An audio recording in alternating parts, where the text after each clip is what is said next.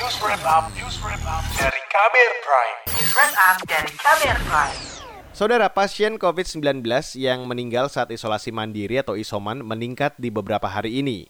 Tercatat sudah ada ratusan orang meninggal baik di Pulau Jawa maupun di luar Jawa. Mengapa itu terjadi? Selengkapnya, saya ajak Anda untuk mendengarkan laporan khas KBR yang disusun Sindu Darmawan. Jumlah kasus COVID-19 di tanah air meningkat drastis selama hampir dua pekan. Saat ini, jumlah kumulatif kasus sudah mencapai lebih dari 2,5 juta orang dengan angka penularan di atas 30 ribu per hari. Akibatnya, fasilitas kesehatan, rumah sakit, serta ruang isolasi yang disediakan tidak mencukupi. Isolasi mandiri atau isoman jadi salah satu upaya untuk menekan membludaknya pasien di fasilitas kesehatan.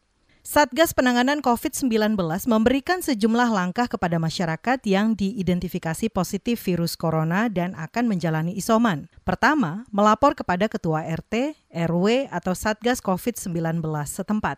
Hal ini disampaikan juru bicara pemerintah untuk penanganan COVID-19, Reisa Broto Asmoro, saat konferensi pers akhir pekan lalu. Mereka akan membantu untuk melaporkan ke puskesmas atau vaskes terdekat. Ada baiknya pada tahap ini, setelah hasil tes didapat, segera lakukan kontak dengan dokter dari pelayanan jasa kesehatan daring atau telemedis yang akan memandu dan memberi saran selama masa isoman. Ingat untuk menjalankan isolasi mandiri, pastikan langkah ini terlebih dahulu. Karena yang memutuskan seseorang boleh menjalankan isolasi mandiri atau harus dirawat di rumah sakit adalah nakes yang memeriksa baik secara langsung maupun melalui hasil konsultasi dengan jasa telemedis. Reisa menambahkan, fasilitas telemedicine saat ini baru diperuntukkan untuk warga di Jabodetabek. Fasilitas ini akan melayani pasien yang teridentifikasi COVID-19, baik untuk konsultasi maupun pemberian obat secara gratis. Telemedicine kerjasama antara Kemenkes dan 11 platform layanan kesehatan di tanah air. Isolasi mandiri yang terpisah dan tidak melakukan kontak erat dengan anggota keluarga yang sehat atau yang belum dapat dipastikan status kesehatannya. Pastikan ruangan untuk isoman sudah bersih, memiliki ventilasi yang memadai, dan sirkulasi udara mengalir dengan baik. Jangan berbagi alat makan, alat mandi, perlengkapan ibadah. Pastikan semuanya digunakan dan dicuci atau dibersihkan secara terpisah juga. Upayakan hanya untuk mengkonsumsi makanan yang bergizi seimbang, tidur cukup, dan hindari stres. Raisa menegaskan, isolasi mandiri bukan berarti sendirian tanpa bantuan orang lain, tapi ada dukungan dari keluarga, lingkungan, dan para nakes yang merawat, serta membantu agar cepat pulih kembali. Namun, apa yang disampaikan Satgas Penanganan COVID-19 tidak sesuai dengan sejumlah fakta yang terjadi dengan mereka yang menjalani isoman. Organisasi Lapor COVID-19 mencatat, tren pasien corona yang meninggal saat isolasi mandiri atau isoman terus meningkat.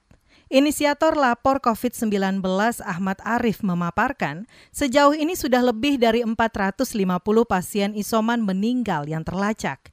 Mayoritas di Jawa Barat, sebagian lainnya tersebar di luar Jawa. Dia meyakini masih banyak kasus lain yang belum terdata. Kami menemukan bahwa sebagian pasien isoman ini meninggal karena memang tidak terpantau ya dan terlambat dibawa uh, dan ditangani rumah sakit karena memang rumah sakit jadi beberapa pasien isoman ini sebenarnya sudah dicoba dibawa ke rumah sakit itu namun terlambat. Lalu kedua kami melihat bahwa rata-rata pasien isoman ini saat meninggal itu anggota keluarga lainnya juga positif gitu. Sehingga ini sangat menyulitkan mereka dalam pengurusan jenazah dan dan yang lainnya ya. Dan uh, ada resiko juga mereka uh, bisa terlambat kalau tidak ditangani juga Inisiator lapor COVID-19 Ahmad Arif mendesak pemerintah memperbanyak tempat isolasi terpusat dengan dilengkapi tenaga kesehatan guna mencegah meningkatnya kasus isoman yang meninggal.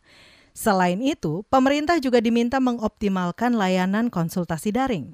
Arif turut mendorong agar sistem pendataan pasien COVID-19 yang isoman harus diperbaiki, sehingga pemerintah bisa terlibat dalam penanganan dan memberikan edukasi mengenai cara isoman yang tepat. Sementara itu, ahli wabah dari Universitas Indonesia Pandu Riono meminta pemerintah membuat pedoman isolasi mandiri untuk pasien COVID-19 dengan gejala sedang.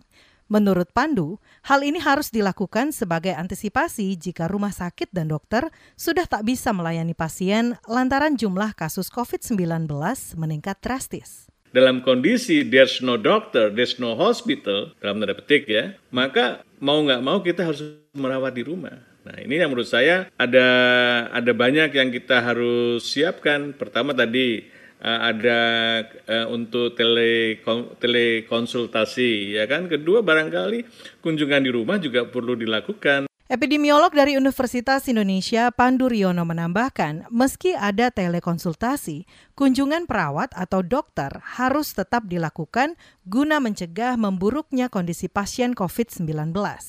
Demikian laporan khas KBR, saya Aika Renata. Kamu baru saja mendengarkan news wrap up dari KBR Prime. Dengarkan terus kbrprime.id, podcast for curious mind.